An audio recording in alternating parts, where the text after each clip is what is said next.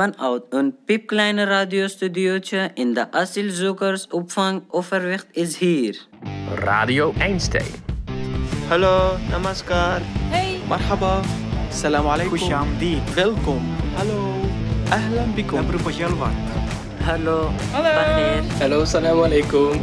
Hoi. Ja, Bagheer Ragli. Verbeelding brengt je overal. Met deze week een special over de jeugdtheatervoorstelling Toen mijn vader een struik werd van het filiaal. Een voorstelling over het meisje Toda dat moet vluchten. We horen fragmenten uit de voorstelling en na de voorstelling krijgen kinderen de kans om vragen te stellen aan iemand die zelf gevlucht is. Voor deze aflevering bedanken we Stichting Welkom in Utrecht en het filiaal. De voorstelling Toen mijn vader een struik werd is nog te zien tot 24 juni in het Transformatorhuis in Utrecht. Wat verwacht jij van de voorstelling? Ik denk dat het een hele leuke voorstelling wordt en ik ben er ook reuze benieuwd naar. Ja. Ja, En heb je al veel over het onderwerp gehoord, over het onderwerp vluchtelingen?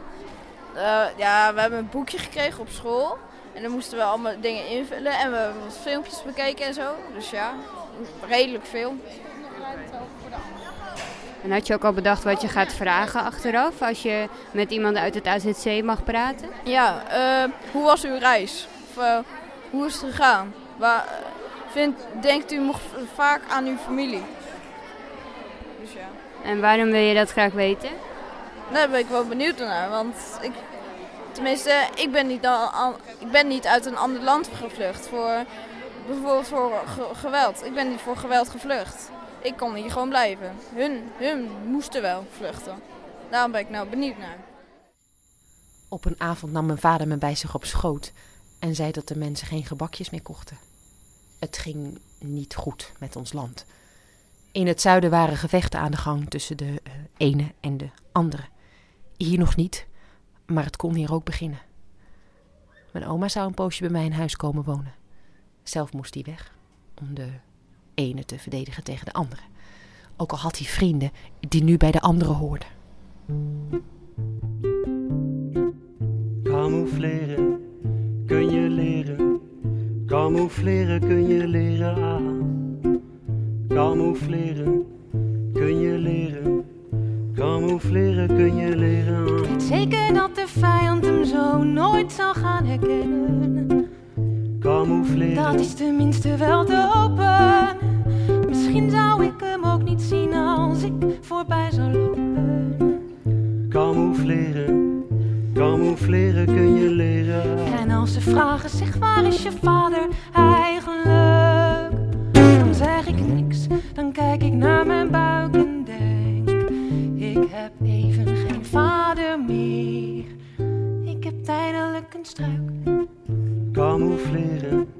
Camoufleren kun je leren. Ik mocht niet naar buiten. Ik zag dat mijn oma iemand probeerde te bellen, maar onze telefoon deed het niet.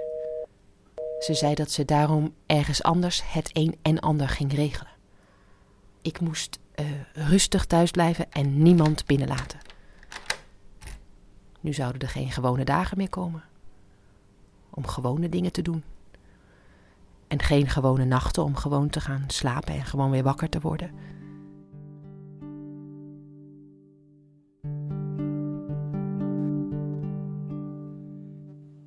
Gaat niet alleen, zei mijn oma. Dat hebben ze me beloofd. Je moet er zo snel mogelijk heen, zei mijn oma. En overmorgen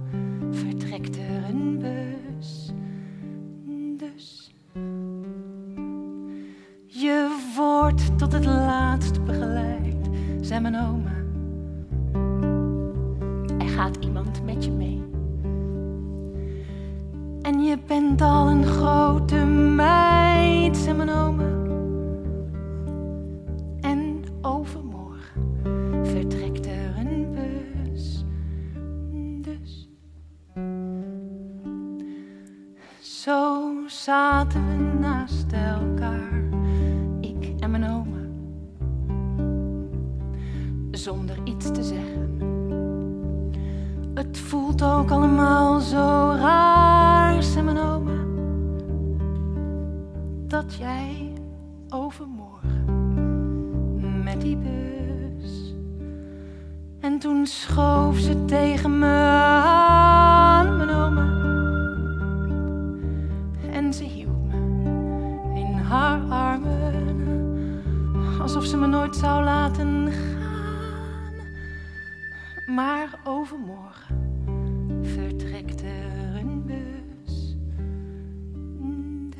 Het enige dat ik kon meenemen was wat er in mijn tas paste.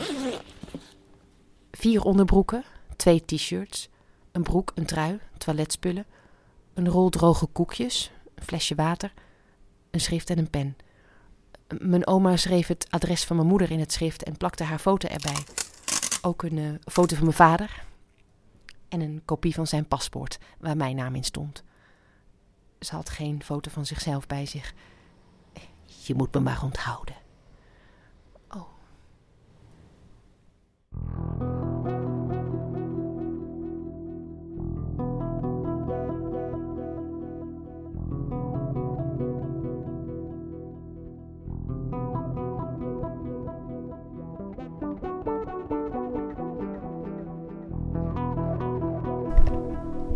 Is daar? Niemand. Ik ben ook niemand. Waar kom je vandaan? Van nergens. Mag ik wel binnenkomen? Niemand mag binnenkomen. Oh goed, dan mag ik dus binnenkomen. Hé, hey, een meisje. Ben je helemaal alleen? Ik doe je niets.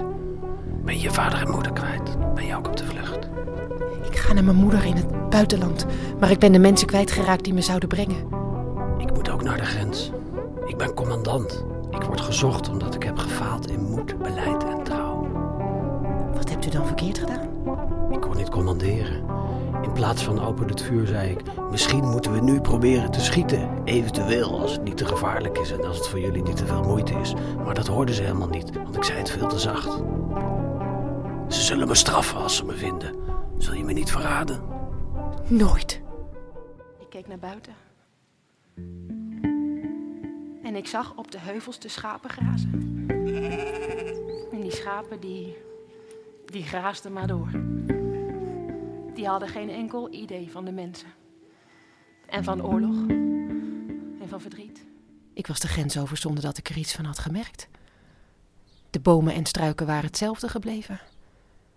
Ik had nergens een hek gezien of een streep of prikkeldraad of paaltjes. Deze twee boeken kreeg ik om mijn nieuwe land en taal te leren kennen. Ik mag ze houden. Uh, hierin, uh, hoe hoort het eigenlijk, staan de dingen die hier anders gaan. Uh, het is beleefd om, als u met een vreemde spreekt, naar de neus te kijken. Rechtstreeks in de ogen kijken kan alleen als u iemand kent.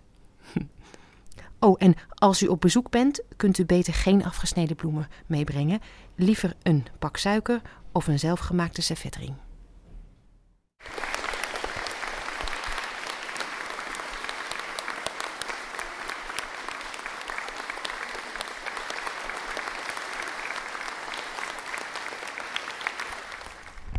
Waar ging de voorstelling over die jullie net gezien hebben? Nou, het ging over een vluchtelingkind uh, die ja, naar haar moeder toe uh, wilde vluchten. Nou, volgens mij, ze wou eigenlijk niet... Eerst wou ze bij de oma en bij de vader blijven, maar uh, ze moest naar de moeder toe omdat het gewoon te gevaarlijk was in haar land. Nou, ik vond het um, een hele mooie voorstelling. Uh, en soms inderdaad wel een beetje onduidelijk, maar op sommige momenten dan voelde je haar emoties dan wel. Dat vond ik ook wel mooi. En hoe denk je dat het is om te vluchten? Nou, het lijkt me best wel heel erg eng, want je moet weg uit je eigen land en je kent het ner ik kent niks en je spreekt de taal niet. Ja, lijkt, mij lijkt het ook wel eng, wat zelfs wat als Lisa zei. Dat is gewoon, ja, het is gewoon moeilijk denk ik ook als je uit je eigen land weg moet gaan om naar een ander land terug te gaan. En waarom heet de voorstelling Toen mijn vader een struik werd? Nou, ik denk dat het, dat het zo, omdat zij dat zo zag, omdat zijn vader gecamoufleerd moest worden. En toen, zij zei ook de hele tijd, ja, omdat mijn vader struik moest, werd.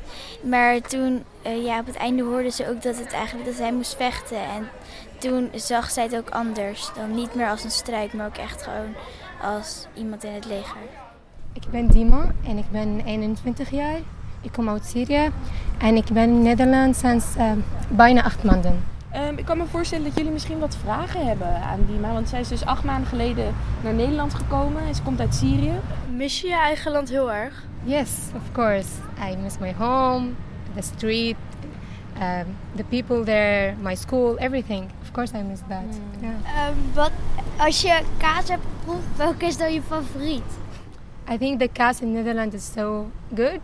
I think I try a lot of kind, but I, I don't know if I have a favorite one. I think yeah, here is very good. The cheese here. Yeah. Ja, ze heeft er heel veel geproefd, maar ze heeft nog geen favoriet. Wat is jouw favoriet? Oude kaas, Ah. ja. Old.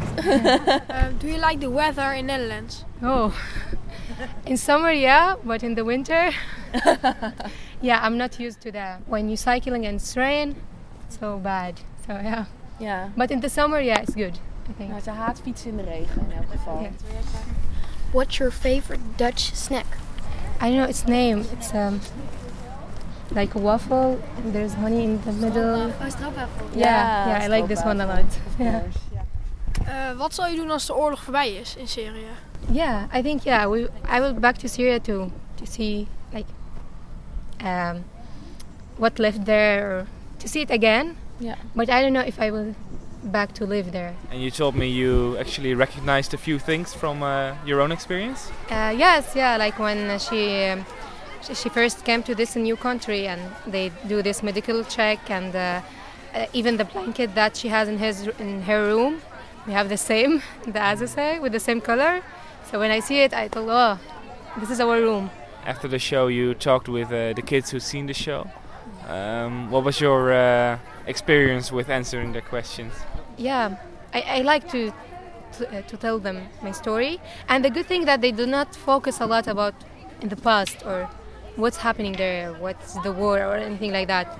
Like they ask um, normal question like um, what, like yeah today they asked me what's your favorite uh, type of cheese. So yeah, it was nice I think.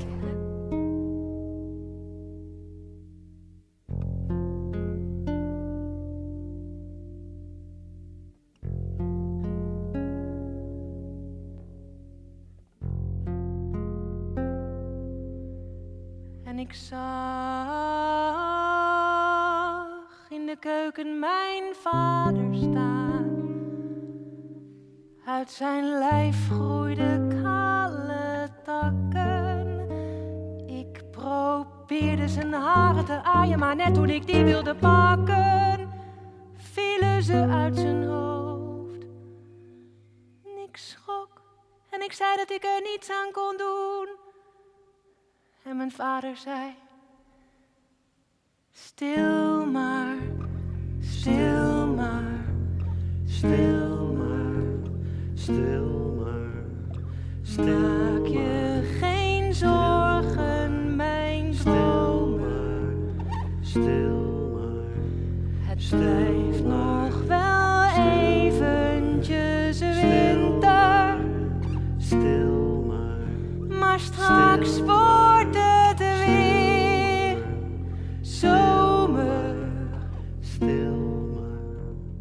stil maar, stil maar, stil maar. De voorstelling Toen mijn vader een struik werd is nog te zien tot 24 juni in het Transformatorhuis in Utrecht. Volgende week zijn we alweer bij de tiende aflevering van Radio Einstein beland. Reden voor een feestje. Daarom staat er een aflevering gepland vol met onze favoriete fragmenten, bloopers en we introduceren een nieuwe rubriek. Alle afleveringen zijn terug te beluisteren op www.radioeinstein.nl. Tot volgende week.